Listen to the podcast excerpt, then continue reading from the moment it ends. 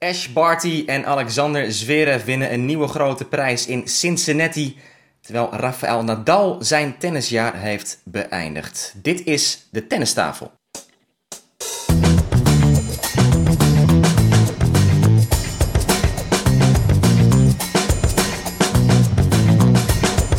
Please take your seats quickly, ladies and gentlemen. Thank you.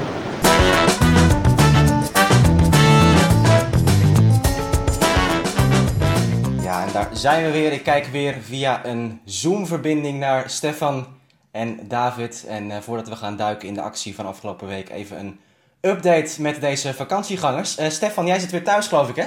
Helaas wel. Ik ben, eh, ik ben terug, ja. In het koude Ja. kikkerlandje, kan ik wel zeggen. David zei het al net, je, hebt, je had een trui uitgetrokken net meteen. Ik bedoel, Ik even, terug. ik wilde even een statement maken.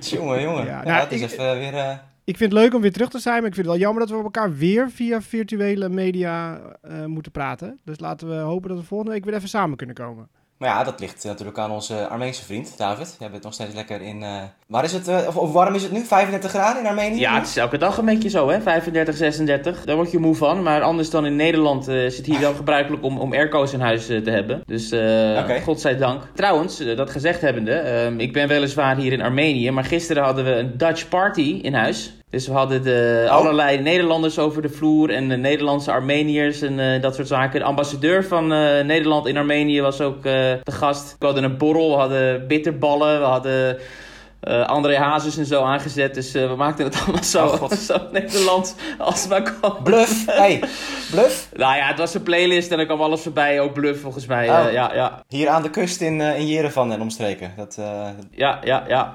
Ehm, ja, Stefan, je had ook nog een, eh, een indrukwekkende ervaring hè? bij een van je laatste dagen in, in Polen. Eh, ik denk dat je bedoelt op eh, Auschwitz, wat ik had aangekondigd Ja. om eh toe te gaan. Ja, het was weer indrukwekkend. We hebben daar weer Ja. vijf uur rondgelopen en met een gids. En ja, het was mijn derde keer en opnieuw grijpt het je zo enorm aan.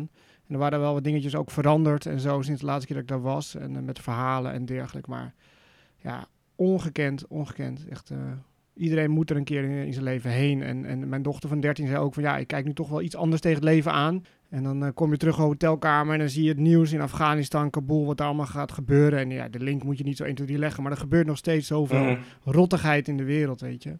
En eh, Ja. ja. dat we alles maar ook wel weer een beetje in perspectief moeten zien. Dat ja, we praten lekker over tennis. En we hopen dat we de mensen een half uurtje plezier geven met eh, wat wij bespreken in die podcast. Maar er zijn natuurlijk veel belangrijke zaken. Maar goed, deze ontspanning hoort ook bij het leven. Ja, ja, precies. En zeker in deze tijd met eh, desinformatie, et cetera, is het toch belangrijk dat dit soort, eh, ja, dit soort plekken blijven bestaan. Ehm, we gaan het hebben over wat luchtigere zaken, want afgelopen week was natuurlijk in Cincinnati het laatste grote toernooi voorafgaand aan de US Open. Een duizend toernooi bij de mannen en vrouwen. Weer terug op de vertrouwde plek. Vorig jaar werd dat gespeeld in de bubbel, net voor de US Open. En nu weer gewoon in eh, Mason, Ohio, naast dat grote pretpark. David, jij bent er ook geweest, hè? Ja. Sinds in dat, eh, bij het toernooi. Zeker. Ook 36 graden. Ja, lekker. Ja, nee, dat is hartstikke leuk. Het, het is eh, Ohio, zoals je zegt. Er gebeurt niet zo heel veel in de omgeving. Je hebt dat enorme pretpark ernaast. Ehm, en dat complex is heel mooi. Ja. Afgelopen week ja, weer een eh, vervolg van de successen van Alexander Zverev en Ashley Barty deze zomer. We beginnen vaak met eh, de vrouwen. Laten we deze keer eh, de, de mannen erbij pakken als eerste. Wacht even, Ja, Abe, Zverev. voordat, voordat je verder gaat. Ik Oh. moet even naar het toilet. Kan dat? Dan sms ik je daar wat ik daarvan vind. Vind je dat goed? Ja, ja, ja, ja.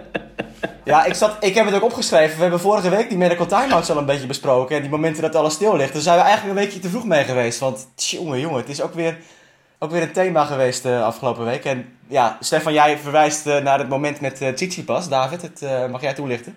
Nee, dat mag Stefan toelichten. Oh, ja, Stefan doet zelf maar. Was het in de halve finale eh, inderdaad dat Tsitsipas eh, een toilet break nam van eh, ongeveer acht minuten. Nou ja, dan, dan moet je veel. Laten we het daarop houden. En eh, Ja. volgens mij zat, eh, volgens iedereen zat hij gewoon te sms'en met zijn vader. Die op de tribune zat met de telefoon. En eh Tsitsipas nam zijn hele tas mee. En eh, waar waarschijnlijk zijn telefoon in zat. eh, om wat coaching tips van zijn papa te krijgen terwijl hij eh, op het toilet zit. Eh, ja, het is niet ongebruikelijk, denk ik, om je telefoon mee te nemen naar het toilet. Hè, als je moet. Volgens mij doen meer mensen dat. En die WhatsApp. Nou, maar volgens mij officieel mag het niet, hè? Officieel mag het volgens mij niet, hoor. Nee, dat klopt. Nee. Ja, A, coaching mag niet. En B, je mag ook niet op je telefoon kijken tijdens de wedstrijd. Eh, ook niet op het toilet. En het toilet, toilet break is alleen maar bedoeld om echt daadwerkelijk naar het toilet te gaan. Toevallig, ik was bij het NJK een paar weken geleden en er was een ventje die ging naar het toilet. Hij ging eh, zijn fles vullen. En toen kreeg hij een waarschuwing. Omdat hij niet gebruik had gemaakt van daadwerkelijk het toilet. Ja, dat was natuurlijk een bizar. Maar ja, het was een soort van opvoedingskamp natuurlijk, zo'n NJK, voor later. Maar ja, dat gebeurde natuurlijk met Tsitsipas dus eigenlijk hetzelfde. Ja, je ziet het ook wel eens met ehm, dat ze op het bankje zitten en dan ook pakken ze even de telefoon per erbij om hem uit te zetten of wat dan ook. En dan de umpire gelijk, hé, hey, je mag niet op je scherm kijken. Ik heb het ook wel eens een paar keer gezien. Maar er gaat dus altijd een lijnrechter natuurlijk mee, hè, naar binnen. Om te kijken wat die speler in principe eh, doet. Dus dan snap ik ook niet helemaal...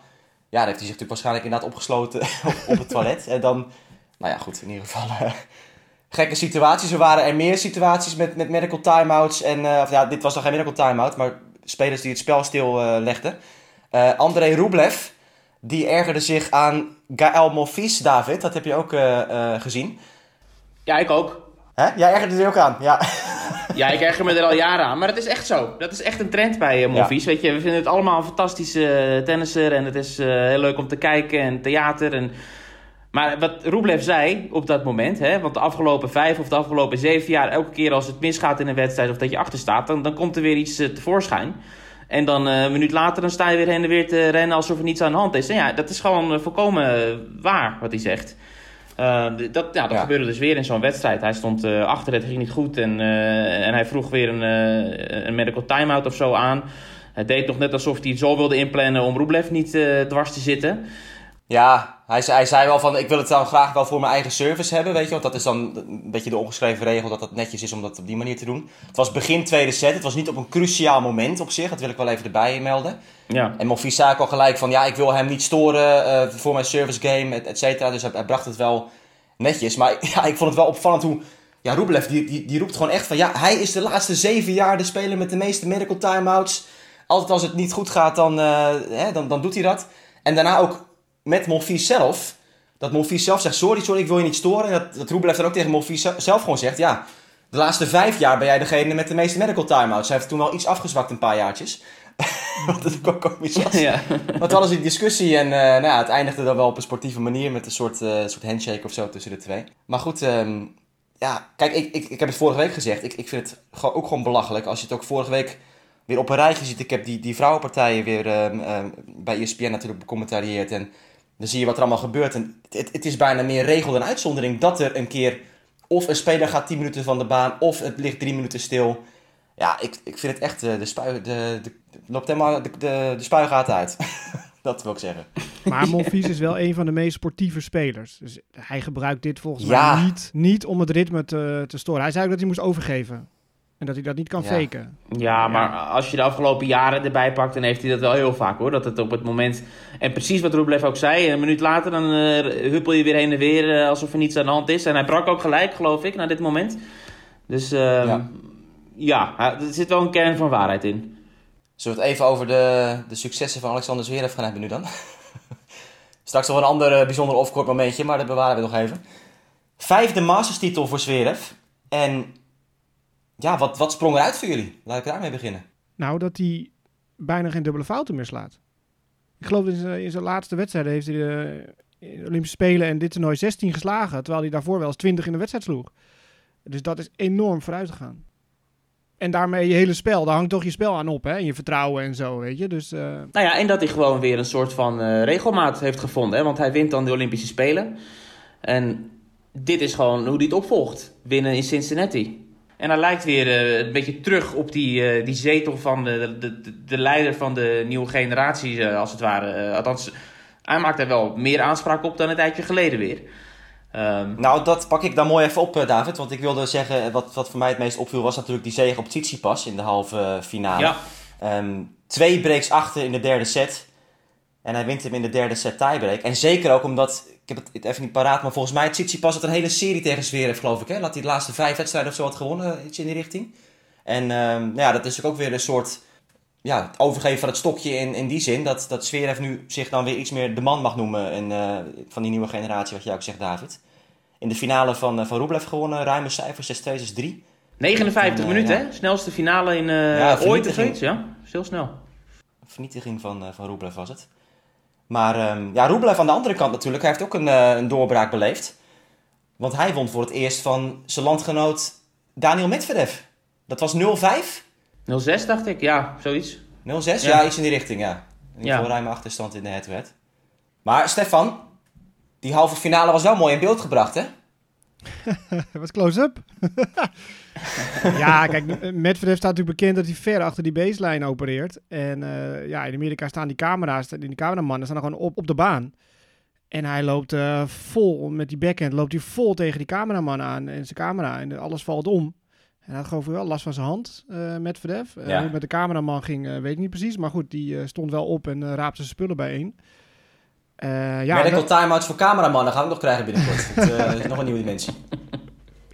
ja, precies. Op, het laatst zagen we alleen maar de rechterkant van de baan. Ja.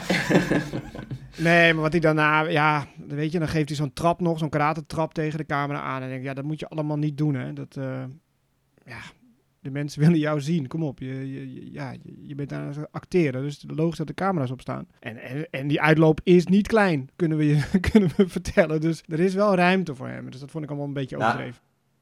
Dat is natuurlijk de discussie van...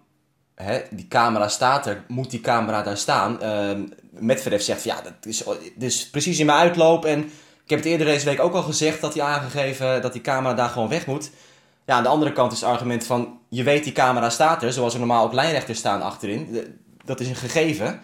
Daar moet je mee om kunnen gaan. Dus aan welke kant eh, zitten jullie daarin? Zet, zet je die camera eh, nog een meter naar achteren, dan gaat Medvedev ook nog een meter naar achteren staan en loopt hij er weer tegenaan. Dus dat, dat vind ik geen, eh, geen issue. Wat ik, wat ik wel vind, bijvoorbeeld Roland Garros, zag je dat het, bijvoorbeeld dat zeil, dat doek dat daarachter lag, als het gaat regenen, dat ze dat heel snel over de baan kunnen trekken. En dat Goffin daar een keer ondergegleden is en echt zijn enkel echt behoorlijk geblesseerd heeft. Kijk, dat vind ik wat anders. Want dat kan je anders indelen. Maar dat zo'n camera moet daar gewoon ergens staan natuurlijk.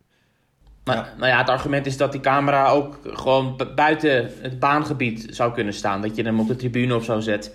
Eh, dat soort eh, zaken. Ja, maar ik ben het over, over het algemeen wel eens met, eh, met het argument van: weet je, dit zijn de baandimensies, dit is de omvang, dit is Precies. wat er staat. En daar heb je gewoon mee om te gaan. Kijk, je kan ook zeggen, ja, als je een dropshot haalt, dan staat de umpire stoel in de weg of zo, weet je wel. Ja, dat, is natuurlijk eh, einde zoek straks. Ja. ja, maar dat andere vind ik veel ernstiger. Dat, dat trappen van die camera, weet je, dat soort dingen. Dat, dat- Ja, zeker, ja. Ja, het was, het was niet echt een karate-trap, vond ik een beetje een groot woord, Stefan. Maar hij zet wel zo zijn voeten tegenaan en hij duwt met zijn voet zo tegen die camera natuurlijk eh, nog. Ja, dat is Ja. gewoon stom. Ik bedoel, eh, ja, dat slaat ik helemaal nergens op. Nee, nee, ik vind het een geweldige vent hoor. Ik vind het hartstikke leuk eh, met Verdef en over het algemeen eh buitengewoon veel eh, entertainment en vermaak. Maar dit soort dingetjes en ook waar we het vorige keer over hadden met die rare opmerkingen naar die umpire af en toe, weet je, dat, dat soort dingen, dat, dat, dat is echt gewoon onbeschoft en ongepast. Ik zat trouwens wel even te kijken, want hij kreeg dus wel voor elkaar dat die camera twee meter opzij werd gezet. Ja, En gisteren die finale stond hij gewoon weer op die eerste plek. ja. stond hij gewoon weer terug waar hij eerst stond, weet je. Ik bedoel, ja, dat is er ook zoiets... eh. Maar Medvedev leek trouwens wel echt ook weer gewoon eh, bezig iedereen weg te vagen. Hè? Want hij won van Karenja Busta met twee keer 6-1. Dimitrov twee keer 6-3. eh, zijn eerste ronde twee keer 6-2. Nou, tegen Rublev 6-2 eerste set. En toen, begin tweede set, gebeurde dat met die camera. Nou ja, daarna is toch die partij eh, gekanteld voor, voor Rublev. Dus ehm, ja, mooi resultaat voor, voor Andrei Rublev en Alexander Zverev. Daar in Cincinnati, wat viel er nog meer op? Zijn er nog andere spelers die Nou, wat eruit mij zijn eh, opviel, gesprongen? als ik iets mag zeggen, die halve finales bij de mannen was gewoon grandioos tennis. En Ja. eh, zonder de ja, Big Three hebben we gewoon echt wel weer genoten, vond ik, van hoog niveau tennis. Met nou, van alles wat er gebeurt op de baan, verschillende speelstijlen. Eh, ja, we moeten toch gaan doen met deze jongensdingen de komende jaren. En nou, het was helemaal niet zo slecht, vond ik. Ik zag de term Little Four voorbij komen. Dat was wel grappig eh, Ja. gevonden door diegene. En het was ook de, de top 4 hè, die de halve finale bereikte. Dat was ook voor het eerst in, eh, Daarom, ja. in lange tijd dat, eh, dat dat gebeurde. Ja, wat je zegt, David, de laatste keer was volgens mij iets van 2008 of zoiets. In, in, in ieder geval meer dan 10 jaar geleden, dacht ik. Dat toen nummers 1, 2, 3 en 4 geplaatst bij de mannen de halve finales halen. Toen waren dat Nadal, Federer, Murray, Djokovic. En nu dus Medvedev, Tsitsipas, Zverev en, en Rublev. Ja, nou goed, het is ook natuurlijk de bevestiging hoe het hele jaar al gaat. Met de Masters toernooien althans. Hè, wie de, de, de grote titels winnen. Hurkacz, Miami. Tsitsipas, Monte Carlo. Madrid, Zverev. Alleen Nadal won dan nog in Rome. Maar Medvedev won in Toronto. En nu Zverev in Cincinnati. En dan hebben we nog eh, Indian Wells, gek genoeg dit jaar wat eraan komt. En eh, Parijs-Bercy. aan het eind van het seizoen. Dus daar zie je natuurlijk echt al die overname van de, de nieuwe spelers. En nu is het afwachten wat ehm, de US Open gaat brengen. De vrouwen dan. Ashley Barty. Klasse apart, kunnen we zeggen. En ehm, ja, ook zij natuurlijk Olympische Spelen gespeeld met een eh, medaille in het gemengd dubbelspel. Enkel spel vloog ze snel uit tegen Sarah Sorry bij Stormo. Maar na Wimbledon al snel weer een nieuwe grote prijs voor, uh, voor Barty. Haar vijfde titel van dit jaar. En ze staat nu meer dan 3000 punten los aan kop van de wereldranglijst. Waar nu Sabalenka trouwens wel nummer 2 van de wereld is geworden. Yay, dus, uh, Stefan! Hey. nummer 2. Ja, maar 3000 punten, Stefan. Gaat het nog goed komen? Jazeker, want die gaan er allemaal afvallen volgend jaar. en dan uh, stijgt uh, Arina gewoon door naar de koppositie. Ja. Maar eerst nog ja, maar nu wordt, de, nu wordt de desinformatie gemeld, hè? Want je had het over dit jaar nummer 1 van de wereld. Ja, ja, dus, ja daar heb je gelijk. Ja, ik begin al een beetje uh, mezelf in te dekken dingen. Maar ik heb nog steeds vertrouwen in US Open en wordt haar toernooi. Ja, precies. Barty, jongens, reactie? Top. Weet je, er werd ook al gezegd, het is de, een van de meest, ik weet niet wie dat zei, de meest constante nummer 1 van de wereld sinds Serena Williams. Ja, is op zich wel een opvatting waar ik, uh, waar ik me in kan vinden. Weet je, ze, ze presteert gewoon hartstikke goed en die, die punten die, die zeggen alles. Uh, en groot toernooi Wimbledon wint, oké, Olympische Spelen gaat dan mis in het enkelspel. Maar vrij snel na die grote titel heeft ze alweer een grote titel te pakken. Nee, ja, geweldige tennister, maar verder een beetje kleurloos. En ik hou dat wel van een beetje kleur erin. Ja, het, dat gemak waarmee zij toch de, alle speelsters wegzet, daar, verba daar verbaas ik me toch wel steeds over. Niet zozeer in die finale tegen Jill Teichman, dan, dan, dan verwacht je natuurlijk wel dat zij wint. Maar ook al die powerplayers, dat ze die dan toch wegschaakt. Met haar, ja, haar spel dat bijna geen één bal hetzelfde is als die bal daarvoor, weet je. Mm -hmm. Dat doet heel veel met, die, met de tegenstanders. En uh, ja, dat is gaaf om te zien. Nou, dat is waar, ja. maar ze heeft wel echt vaste patronen die ze steeds inzet. En waar spelers gewoon tot op heden geen antwoord op hebben. Weet je, het is wel dat ze verschillende baltypes speelt, maar uh, ze, heeft honderd uh, keer per wedstrijd vanaf links uh, kickservice naar buiten, slice langs de lijn. Dat komt steeds terug. Maar elke keer, het lukt gewoon niet om, om dan een bepaalde return te slaan of om iets te doen waardoor ze die slice langs de lijn niet kan spelen. En zolang dat het geval is, ja, blijft ze daarmee doorgaan. Uh, uiteraard. En terecht. Maar het verbaast mij ook wel een ja. beetje dat, dat er niet, uh, niet echt een antwoord op gevonden wordt. En in die finale tegen Teichmann, als je het over vaste patronen hebt, consequent die chip return op de servicelijn. En Teichmann had gewoon moeite om daar echt die, die vaart in te geven steeds uh, zelf met, uh, met de voorhand. En terwijl ze eerder die week, um, Jill Teichmann, ja, die, heeft, die speelde echt waanzinnig goed zeg. Echt, ik was echt, uh, echt, ik stond echt perplex hoor. Tegen Benchies, die tikte ze helemaal weg. Die sloeg ze echt van de baan. nou ja, tegen Naomi Osaka kwam ze terug van een set achterstand. Ze won van Pliskova, die ook weer in vorm was. Dus gewoon die drie speelsters op rij. Ze was zelf nummer 76 van de wereld. Dus echt uh, super knap. Zeker ook omdat ze maanden nauwelijks een wedstrijd had gewonnen, uh, Teichmann. En uh, ja, absoluut weer een, een, een nieuwe naam om te volgen in dat opzicht. Maar Barty, um, over haar succes, wat het extra opvallend maakt. Zij is het hele jaar gewoon op de tour. Zij is naar Miami gevlogen in maart. En zij is niet meer thuis geweest. En ze trekt het helemaal door. Tot en met de US Open in elk geval. Ja, dat vind ik ook wel uh, bijzonder. Om, om, zo dan ook mentaal natuurlijk gewoon fris te blijven. En, en dat, dat, gaf ze ook wel aan voor Cincinnati. Van daar maakte ze zich een beetje zorgen over hoe ze uh, mentaal zou zijn deze week. En uh, ja, met, met al die drukke toernooien en vliegen en et cetera. Ja, dat is toch wel bijzonder dat je het zo lang volhoudt. Ja, maar het is een beetje een bewuste planning geweest. Hè? Want het hele vorige jaar heeft ze thuis gezeten. Zowat. Mm. Dus ze heeft daar genoeg... Ja, maar je kan het bewust plannen. Maar het is nog steeds wel heftig om gewoon vijf maanden op rij alleen maar de wereld over te vliegen. En niet even weer bij te kunnen tanken in een thuisomgeving, weet je wel. Is, is ook zo, maar hoe, hoeveel tijd uh, brengen spelers nou thuis door? Of het nou Australië is of elders. Het, het gaat altijd om, om, een week of twee of zo dat ze thuis zijn en dan zijn ze weer op pad. Dus ja, misschien ja, maken we het groter goed, dan het is. Wel even het lekker, is het toch? leven. Jij nog een mening, Stefan, daarover? nou ja, home is where the heart is. Ja, ik bedoel, ze zal het niet slecht hebben on tour. Ze zal ergens wel een mooi huis huren om... Uh, om te zitten. Uh, en haar team is dus ook een soort familie natuurlijk, wat je om je heen hebt. En ja. het is ook mindset, wat uh, David zegt. Ja, weet je, je weet gewoon, oké, okay, tot dat en dan. En na de US Open, dan ga ik waarschijnlijk uh, terug naar Australië. Dat is wel een ding, hè, want ze reist nu met een hele grote groep. Die vriend is ook mee en ja. een heel, heel, team. Dus dat is ook anders dan in het verleden. Dus dat maakt het ongetwijfeld ook ja. ja wat gemakkelijker. Absoluut.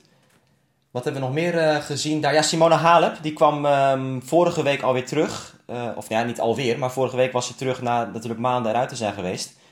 En potverdorie, schiet weer een blessure schiet erin. Gewoon net als in Rome toen een paar maanden geleden toen in, in de kuit. En nu deze keer met het halen van, van een backhand. Dat ze ook in één keer in het, in het bovenbeen um, last kreeg. Um, ja, en speelde die partij nog uit tegen Magdalinet. Maar moest daarna ook weer afhaken. Dus het is voor Simone Halep wel echt een, uh, een rampjaar aan het worden op deze manier. Natuurlijk weggevallen uit de top 10 ook daardoor. Dat vond ik, uh, vond ik sneu om te zien. Um, ja, Sabalenka uiteraard uh, uh, nummer 2 van de wereld geworden, is al genoemd. Zij verloor opnieuw van Pliskova. Net als in de halve finale op, op Wimbledon. En wat hadden we nog meer? Ja, Bencic van Drosova, herhaling van de Olympische finale. Weer gewonnen door Bencic in de eerste ronde afgelopen week. En Victoria Azarenka die maar twee games pakte tegen Barty. Dat vond ik ook wel opvallend, want dat was de titelverdedigster. En het was de grootste nederlaag voor Azarenka of in heel lange tijd, of in haar hele carrière. Dat weet ik even niet, uh, niet zeker meer. Maar... Ik moest even denken toen ik zo die prijsuitreiking zag. En ik zag uh, die afschuwelijke vaas die in de handen werd gedrukt van uh, Barty. ja, daar stond Kiki Bertens ook nog, hè, met die, met ja. die vaas. Niet lang geleden. 2018, ja. Ja, ik bedoel, dat is toch wel bijzondere momenten dan, weet je. Dan denk je, oh ja, jeetje mina, ja. Het is niet eens zo lang geleden. Nu, nu is ze gestopt, ze is weg. En zal ze die vaas hebben, staat die op de schoorsteen. En, en toen moest ik ook denken aan ja, zo'n fase, dat past natuurlijk niet in je koffer. Hoe, hoe, hoe ga je dat? Barty is natuurlijk al lang niet meer thuis geweest. Jawel, dat, dat zilverwerk Ja, die, die, heeft, die heeft inmiddels een extra... Die moet ja. een prijzenbeestje houden ook. Ja. ja, precies. Maar ik weet dan bijvoorbeeld van Rosmalen... hadden ze een keer hadden ze van die, uh, was het UNICEF open. En dan hadden ze van die kleine bordjes geschilderd door kinderen. En dat was eigenlijk perfect, want het paste precies in de koffer. Dat betekende ook dat de organisatie dat niet hoefde na te sturen. En toen uh, later hadden wij een keer, daar heb jij nog een keer op de, op de foto gestaan, Abe, hadden we een soort Champions League beker. weet je, zo mega groot. Ja. Nou, het zag natuurlijk hartstikke gaaf uit op de foto. Je kreeg zo'n uh, joekel van uh, zilverwerk. Maar ja, dat, dat gaan die spelers niet meedragen naar Wimbledon en, en, en de rest. Dus dan moest de organisatie dat allemaal na gaan sturen uh, naar het huisadres. Dat kost klauwen met geld. Dus dan gaan we toch weer afstappen van al die grote, grote mega bekers om te kijken van wat past er eigenlijk ja. in de koffer. Ja, precies. Nog even een paar off-court um, dingetjes. Want nou ja, zijn naam is genoemd als kampioen in Cincinnati. Maar zijn naam is ook gelinkt aan de nieuwe zogeheten ATP Safeguarding Policy. David, wat is dat in hemelsnaam? Ja, goed, daar werd al enige tijd natuurlijk uh, om gevraagd vanuit het publiek. Dat is een soort uh, beleid wat de ATP dan nu heeft ingesteld. Of in ieder geval een soort opvatting. Op dat alle spelers of alle betrokkenen bij de ATP, bij de tenniswereld, die moeten een bepaalde ja, gedrags code uh, hanteren. En dat ze van onweersproken gedrag uh, moeten zijn. En dat ze niet gelinkt moeten zijn aan allerlei vreselijke dingen buiten de baan ook. Zoals hu huiselijk geweld. En dat is natuurlijk iets waar Alexander Zverev bij om de hoek komt kijken. Omdat zijn ex-vriendin hem daarvan beticht. Um, dus nou, zoals het in andere sportbonden en leagues en zaken al langere tijd bestaat. Zo'n soort beleid uh, dat de bond zich daarvan afkeert en vindt dat de, de eigen mensen ja, zich goed moeten gedragen, heeft nu ook de ATP eindelijk zoiets ingesteld. Wat precies het effect daarvan gaat zijn en of daar maatregelen aan hangen mocht een speler ja, verdacht worden van zulke zaken, dat is me niet helemaal duidelijk op dit moment. Um, maar een begin is gemaakt. Ja, ja goed uitgelegd. Ja, maar um, waar, waar, waar, waar slaat het op? Wat, oh. waar, sla, waar, slaat het op? Oké, okay, dat onderteken je dan. En dan, nu is Sfeer verdacht van iets. Nou, dan mag je als je verdacht bent, hè, dan ben je nog niet veroordeeld, mag je spelen. Natuurlijk, oh, dan wordt hij straks veroordeeld voor het mishandelen van zijn vriendin. Nee, wacht even, wacht even. Stefan, wat, wat jij nu zegt, hij is verdacht, hij mag spelen tot er iets... Dat schijnt dus in andere sporten niet zo te zijn. Dat schijnt dus te zijn in Amerika, volgens mij heb jij het al eens gezegd, David, dat, dat uh, als je daar ja, dus in een soort situatie zit dat je uh, verdacht wordt van een dergelijk uh, vergrijp, dat je al aan de kant wordt gezet. Ja, maar door je club of door de... Want zijn ja, door de club dan. Door de club dan. Precies, dan ben je in dienst van de club. Maar Zverev is een eenmanszaak. Ja, nou ja, maar dat staat ook in die policy. Er staat dus bij ook een soort disclaimer al van hoe we dat precies kunnen gaan toepassen. Uh, weet je, met wetgeving wereldwijd. We hebben te maken met de hele wereld met allemaal andere wetten. Uh, plus het feit dat zij dus inderdaad uh, independent contractors zijn. Dus ja, ZZP'ers zeg maar. Dat moet allemaal nog een beetje uitgewerkt worden. Iets in die richting. Zoiets stond er in dat, uh, in dat verhaal ook. Dus ja, wat jij nu precies zegt, daar zijn ze zelf ook niet helemaal over uit. Nee, maar dan wordt hij straks veroordeeld ervoor. En dan gaan ze hem dan weren. Dan mag hij dan niet... Is hij dan geschorst? Net als een doping? Ja, dat lijkt me wel, ja. Ja, nou maar ja, veroordelen. Er is, er is ge- geen rechtszaak gaande. Hè? Ik geloof dat een deel van dit hele beleid ook is dat je als, ehm, als bond zijnde of als ATP zijnde, ook al is er geen rechtszaak gaande of zo, is dat je zelf ook een iets actievere, proactievere rol speelt in het klaren van de lucht in zo'n zaak. Dat je zelf eh, erachteraan gaat en kijkt wat is hier aan de hand. In plaats van, oh ja, dus het ligt niet eh, voor de rechter, dus eh, we hebben er niks mee te maken. Ehm, maar ja, nogmaals, wat Aap ook zegt, veel is nog onduidelijk. Zoals het nu eh, lijkt, is het gewoon meer een soort van... Ja, wij vinden ook dat onze spelers zich goed moeten gedragen. Dat is het eh, voor nu. Ja. Ja. Ja, maar daar zal iedereen het mee eens zijn. maar nu staat het zwart op wit. Dat is het verschil. Ik ben benieuwd of er nog een andere policy aankomt eh, binnen afzienbare tijd. En dat is natuurlijk de, de vaccinatieplicht, wellicht. Stitsipas, die, die wacht er in elk geval op. Die, eh, die, heeft- die heeft zich niet eh, afgezonderd tijdens die wedstrijd om even een spuitje te laten zetten in elk geval, Stefan. Nee, dat, kan sneller dan acht minuten.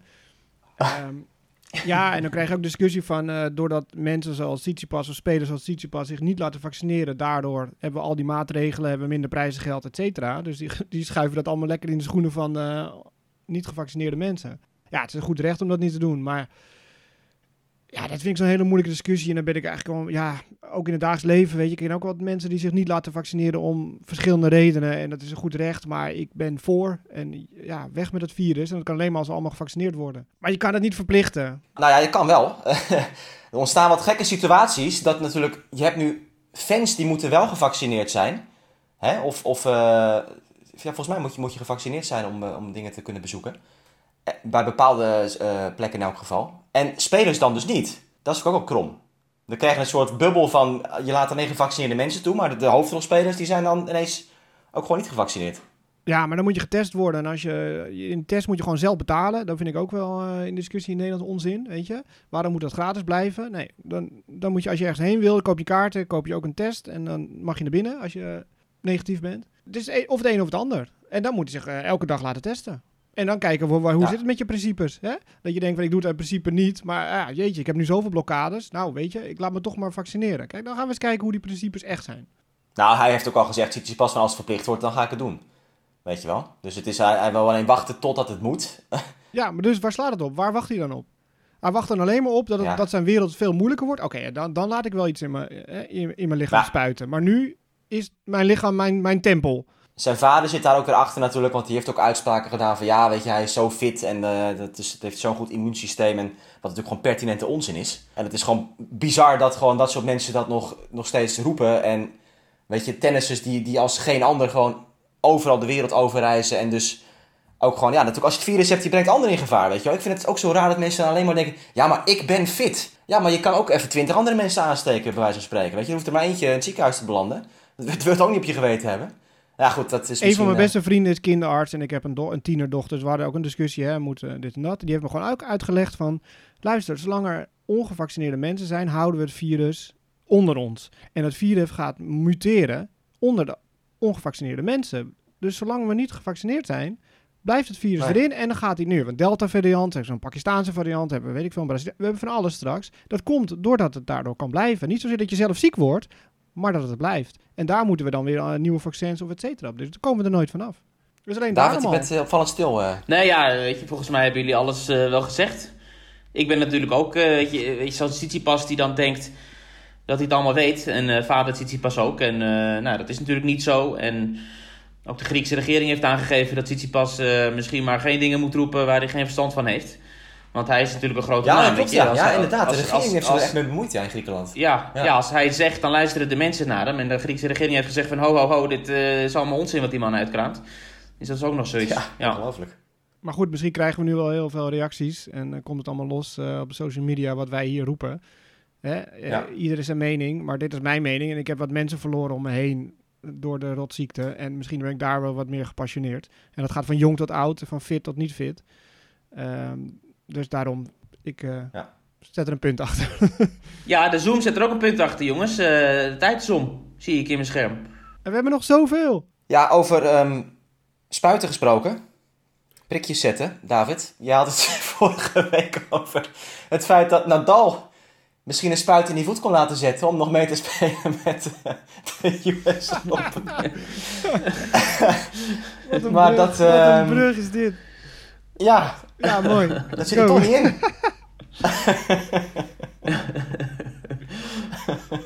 ja, dat heb ik gezegd. Heb ik gezegd. Ja, dat uh, advies is niet opgevolgd. Einde oefening. Die voet. Hij speelt golftoernooi. Golftoernooi, hè? Ja, golftoernooi. Oh, ja. Eindigde gewoon ja. in de top 10 uh, van een amateur golftoernooi in Spanje. Ja, klopt, ja. Ja, daar heeft hij het voor gedaan. Hij is al aan het voorsorteren op uh, een nieuwe carrière. Absoluut. Ja, dat, dat zal het toch zijn inderdaad, denk ik. Dat, uh... ja. ja, nee, maar hij maakte zich, althans in dat, in dat videobericht wat hij stuurde, niet al te veel zorgen. Hij zei een beetje, wat jij de vorige keer ook al zei, Abe, weet je, het is die, die oude blessure die hij al sinds 2005 meedraagt. En ja, hij weet wat het is, hij weet wat eraan gedaan moet worden, alleen hij heeft er iets te lang mee gelopen nu. Maar ja, dat is, dat is natuurlijk zoals het naar buiten communiceren. Hè? En dat, diezelfde discussie hebben we over Federer gehad in het verleden. Altijd als ze dat soort updates schrijven is van... Ja, weet je, even weer, uh, toch weer even nog een beetje rustig aan doen voorlopig. En, dan bam, komt een, week, een, week later komt dat hij weer is geopereerd aan zijn knie. Dus ze, ze gaan natuurlijk nooit de paniek zelf creëren. Maar ik denk wel dat wij iets meer um, erachter moeten zoeken uh, dan Nadal die simpelweg zegt... Hè, joh, komt weer goed en we gaan nog, uh, we gaan nog goede jaren beleven. Wat hij zegt... Um, hij is 35. De voetblessure, goed dat jij dat ook zegt, is gewoon doorlopend geweest. Hè? 2005, hij heeft altijd kunnen managen, maar dat probleem is er altijd geweest. Het is niet in één keer iets wat er nu weer in is geschoten of zo. Want dat lees ik ook soms van, ja, oh ja, dat is een voetblessure die hij ook een keer heeft gehad in 2005. Nee, dit is een chronische blessure die nu weer meer opspeelt. En wat mij zorgen baart, is dat Nadal heeft gezegd um, dat hij nu al meer dan een jaar of nee, dat hij een jaar nu echt al meer pijn heeft in die voet dan zou moeten. En dat vind ik wel heftig. Dat hij dus dit hele jaar al met een te grote pijnlast eigenlijk speelt met die voet. En dat hij nu heeft besloten van ja, maar dit is gewoon uh, onverantwoord of dit kan niet meer op deze manier. Um, en dat geeft dus wel aan dat het niet even iets is van nu de afgelopen weken. Nee, volgens mij heeft Nadal een behoorlijk hoge pijngrens. Als ik wel eens uh, die foto's heb gezien van die bladen op zijn handen dat hij daar uh, mee doorspeelde op Roland Garros. Dus het zal echt heftig zijn. Nee, ja goed, kijk, bladen zijn natuurlijk nog tot daaraan toe. En dat is natuurlijk wel een tijdelijke blessure. Maar ja, dit is, dit is gewoon iets wat, uh, wat nogmaals uh, vroeg in zijn carrière al door doktoren werd bestempeld als... Ja, waarschijnlijk gaat dit gewoon jouw tenniscarrière verpesten. Dus het is wel ergens een wonder dat hij 16 jaar lang op deze manier daarmee heeft, heeft kunnen spelen. En het vaak goed heeft kunnen managen. Ik vind wel als je zo'n statement leest dat hij al meer dan een jaar meer pijn voelt dan eigenlijk zou, zou, uh, zou kunnen, zou moeten ja, dan ga je ook wel weer anders nadenken over een nederlaag tegen Djokovic uh, op Roland Garros. Of uh, hè, dat, je, dat je hem in die partij vermoeider ziet worden. Dat je ziet dat hij, dat hij gewoon ja. fysiek ergens nee. tegenaan loopt. Sorry. Nou, nee, dat vind ik wel. Nu, nu, vind jij dat we het... Want je, je, zag, je, zag, je zag hem in, in die wedstrijd, zag je wel dat hij al met die voet worstelde. Ja, maar dit is pure speculatie. Plus, gaat nu een, een, een gedeelte van het statement uh, vind je ongeloofwaardig, want hij zegt me wat, om, zoals Federer. Maar dit gedeelte van uh, heeft pijn aan zijn voet het hele jaar lang. Oh, hij heeft het hele jaar al pijn, dus het hele jaar is al lastig. Dat is dan wel geloofwaardig. Ja, dat, dat vind ik, dan moet je het alle, alles gewoon laten. En het gewoon, dan zien we wel wat er gebeurt. Je kan niet een beetje gaan cherrypicken van dit gedeelte van het statement vind ik wel geloofwaardig en dit gedeelte van het statement niet. En hij speelde Roland Garros met pijn in zijn voet. Dat nou, ik, ik, ik, nee, maar ze proberen het altijd zo zacht mogelijk te communiceren als er iets aan de hand is. Of het nou Djokovic, Nadal of Federer is of wie dan ook. Een blessure proberen ze zoveel mogelijk te temperen. Maar als je dus die kleine tussen de lijntjes doorleest, of het staat er nu letterlijk gewoon wat hij zegt, uh, bepaalde zinnen. Ja, dan, dan, dan kan je echt wel meer zorgen uh, uh, voelen voor Nadal in dit geval. Dan, hè, en het is met Federer in het verleden, dan, dan dat hij in die video nog even zegt: Ja, we gaan positief weer door. Tuurlijk gaan we positief door. Dat zegt hij altijd. Dat zegt iedereen altijd. Dus niet van: Goh, ja, dit wordt helemaal. Ik heb nu die voetblessure. Ik denk echt dat het de komende jaren niks meer gaat worden. Maar we gaan ons best doen. Nee, dat gaat toch geen mens zeggen? Nee, nee, maar hij kan toch ook gewoon, het komt voor hem toch ook mooi uit om te zeggen dat hij uh, het hele jaar al pijn heeft. Dus eigenlijk is alles een beetje, wat hij gedaan heeft, is wel heel erg knap. En hè, de finale Roland Garros, ja, was niet te winnen, want ik had, ik had eigenlijk toen al heel veel pijn aan mijn voet. Ja, zo werkt het niet. Sorry. Nou ja, dat heeft Federer ook gedaan in het verleden, met die knieblessure. Ja, nou, dat vind ik ook onterecht. Moet je ook niet doen. Dat, dat moet je niet doen. Achteraf, achteraf komen dat soort dingen toch ook naar buiten? Ja, maar dat moet je niet doen. Ja, ik, maar jij gaat nu kijken naar wedstrijden van... hé, hey, waar zou hij dan extra pijn hebben gehad waardoor hij heeft verloren? En, en dat, is nu, dat, het zou, dat is niet mooi. Dat moeten we niet doen. Want als je speelt, moet je niet zeuren. En als je gebaseerd bent, kan je niet spelen. Nee, maar goed, Nadal zeurt ook niet. Kijk, ik, ik zeg dit zelf. Ik zeg alleen zelf, als ik zo'n statement lees... dan ga je wel... Tenminste, ik ga er wel nadenken van... oh, hij heeft al inderdaad heel het jaar last van die voet, zegt hij. Even terugdenken, wat is er allemaal gebeurd? Uh, nou, zeker tegen Djokovic op Roland Garros zag je wel in die eindfase dat er iets aan de hand was met hem. En tegen Tsitsipas bijvoorbeeld, ook een partij natuurlijk al in het jaar, heb ik dat niet gezien. Daar zag je ook dat hij fysiek gewoon minder werd. Maar ik dacht van ja, dat is, dat is vooral met de leeftijd en, eh, en wat dan ook. Nou, het kan ook zijn dat het toch ook die voet dan eh, een, een rol daarin heeft gespeeld. Dat zijn gewoon... Het is toch logisch dat je zo gaat terugdenken als je zo'n statement leest eh, van... wat heeft er dan misschien gespeeld? Nee, want wat heb je eraan? Misschien had hij ook eh, slecht geslapen of eh, zijn ontbijt eruit gekotst. Ja. Ja, dat weet je ook niet, weet je. Nee, je weet het niet, inderdaad. Pijn hoort ook bij de topsport. Er is geen, geen top 10 speler of top 100 speler die er staat Ja. pijnvrij. Dus Nee. in hoe, welke mate, op welk moment het opspeelt, dat is toch heel moeilijk te zeggen achteraf. Nee, is ook zo. Maar kijk, als, als Djokovic van Chung verliest op de Australian Open... en je hoort twee maanden later dat hij zijn seizoen moet beëindigen vanwege een elleboogblessure... ja, dan is ook wel makkelijk 1 en 1, 2. Dan heeft hij waarschijnlijk ook tegen Chung wel last gehad van die elleboog. Weet je wel? En met, met Federer hetzelfde met wedstrijden die hij heeft gespeeld. Dat, toen Nadal van Zeudeling op Roland Garros van, eh, op Roland Garros van Zeudeling verloor... heeft hij ook niet gelijk gezegd van... ja, mijn knie deed ontzettend veel pijn vandaag. Maar heeft, daarna heeft hij geen wedstrijd meer gespeeld maandenlang. Dus dan weet je wel dat, dat, dat daar iets aan de hand was met die, eh, met die knie. Ja, maar nu is die link toch niet zo direct? Nou ja, goed, nee, weet ik niet. Hoe zou het met Jung zijn? die ging het leger in, maar die hebben we Ja. nooit teruggezien. Nee, dat was ervoor al, hè? Dat was al vroeg in de periode.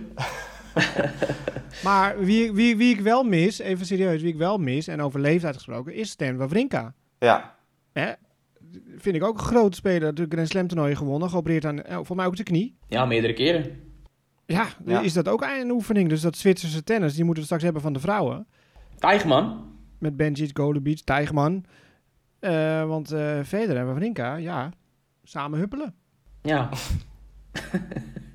Ze hebben wel een jonge speler, Dominique Strieker. eh, lefty, die speelt wel aardig. Die maakte zijn debuut op het greffeltoernooi waar Federer ook toen speelde. Nou, iets te dik, helaas. Maar goed, dat is wel, laten we zeggen, babyvet. Oh nee, dat mag je niet zeggen. Dat was baby Dimitrov. vet? dat was Dimitrov. Ja. Godsamme, dit is ook echt... Nee, dat ging per ongeluk. Dat ging echt per ongeluk. Ja, ja. Volgens mij komen we aan het einde van de podcast bijna, eh, mannen. Maar even over Federer en Wawrinka. Kijk, die kunnen natuurlijk nu wel langzamerhand een beetje gaan denken aan het schrijven van een officiële biografie, denk ik. En daarover gesproken, David. Ja. Billie Jean King heeft eh, haar eh, biografie gelanceerd. Ehm All In, hè, heet dat geloof ik, het boek. Ja, het schijnt eens aan poker is tegenwoordig. nee, maar dat is natuurlijk Oh, leuk, hè, dat, dat, het officiële boek van, eh, van Billie Jean King. Dat is wel een aanrader, denk ik, voor eh, veel van onze luisteraars ook om daar eens eh, naar te gaan kijken. Ja, zeker. Dat is dus eh, afgelopen week gelanceerd. Stefan, blokje Nederlands tennis? Blokje Arans Carus? Ja, we kunnen, we kunnen eigenlijk de vorige podcast herhalen. Ze wint weer een ITF-toernooi. Weer op Gran Canaria. Weer Sam Bartlome de Tiraga. Tiragana. Jeetje, die mina. Het Engels Kan je het even en het Spaans. ja, ik heb het behoorlijk vaak moeten eh, twitteren. Eh, zonder zetverlies weer. Ja, weer een 60.000. En eh, won in de finale van dat 16-jarige supertalent. Victoria Jiménez Casinceva. Uit, An- uit Andorra met ook nog wat eh, Oost-Europees bloed, geloof ik. Een van de weinige speelsters die Kiki Bertens nog wist te verslaan dit jaar. Nou ja, kijk eens aan. Nu won ze één game tegen Ranska dus. Dus twee Ja. keer hetzelfde toernooi op hetzelfde eiland, Gran Canaria, achter elkaar. Ja. Hartstikke leuk voor haar. Maar ja, het echte werk is toch op de WTA-tour. En eh, nu als een eh razend roeland naar eh, New York. Het is een populaire vakantiebestemming voor Nederlanders, toch? Gran Canaria. Ik ben benieuwd of daar nog publiek heeft gezeten. Volgens mij meer in de winter dan van die overwinteraars. Oh, oké. Nou, misschien een paar verdwaalde tennistafelluisteraars. Eh nou, mocht u erbij zijn geweest met Hans Carus, dan eh, stuur vooral uw eh, beeldmateriaal in en wedstrijdverslagen en eh et cetera. Dit gaat stormlopen. Ehm, ja, Rus die zou... ja. Hè? ja, dat gaat stormlopen. Ongetwijfeld. Die berichten, ja. Rus die zou deze week in Amerika al spelen op WTA-niveau. Ehm, maar dat heeft ze laten schieten, dat toernooi. Omdat ze natuurlijk eh, ja, zoveel partijen heeft gespeeld daar in Spanje. En ze komt rechtstreeks in het hoofdtoernooi op de US Open. Dus dat is, dat is mooi nieuws. Een paar dagen, dan wordt er gelood. Nou, en we hadden het over tellen een Griekspoor als we een Nederlands blokje doen. Die Ja. staat natuurlijk rechtstreeks in het hoofdtoernooi van de US Open. Maar hij heeft problemen met zijn visum. Oh, dat speelt ook nog steeds. Ja, ik, ik heb nog niet het laatste nieuws eh, hoe het er nu voor staat. Maar hij is eh, anderhalf jaar geleden over zijn paspoort kwijtgeraakt ergens. En eh, gedoe met een nieuw paspoort en zo. En nou, hij moet telkens als hij naar Amerika gaat een visum aanvragen. Omdat hij in het ver, ver verleden twee future toernooien in Iran heeft gespeeld. Jeetje, En nu is er een heel erg gedoe inderdaad eh, om Stempels. Amerika Ja. in te komen. Ja, maar ja, Ja. goed. eh, sta je voor de allereerste keer rechtstreeks geplaatst in een Grand Slam en eh, heb je dit soort eh, ge- gedoe. Dus hij heeft een oproep Ja. geplaatst op social media van wie kan mij helpen. En ik geloof wel dat Ja, daar ja, ja, eh, ja. gehoor aan gegeven is, dat dat proces loopt. Oké. Ja. Nou, dat gaan we in de gaten houden. Eh, David, wanneer is jouw terugvlucht? Ik geloof de 26e op de 27e. Oké, voor een paar dagen. Dus dan... eh, Ah, dan kunnen we weer fysiek de US Open voorbeschouwing maken. Oh. Ja, inderdaad. Even een mooi plekje uitzoeken. Pot- Een mooie, Potverdorie. mooie, mooie plekken zoeken. En dan zeg ik Sabalenka en dan zeggen jullie al die andere dingen. Ja, precies. Komt goed. Alright, over een paar dagen dus de US Open preview show. Althans, ja, komend weekend natuurlijk gaat het allemaal plaatsvinden. Bedankt voor het luisteren deze week. En graag dus tot gauw weer voor een volgende tennistafel.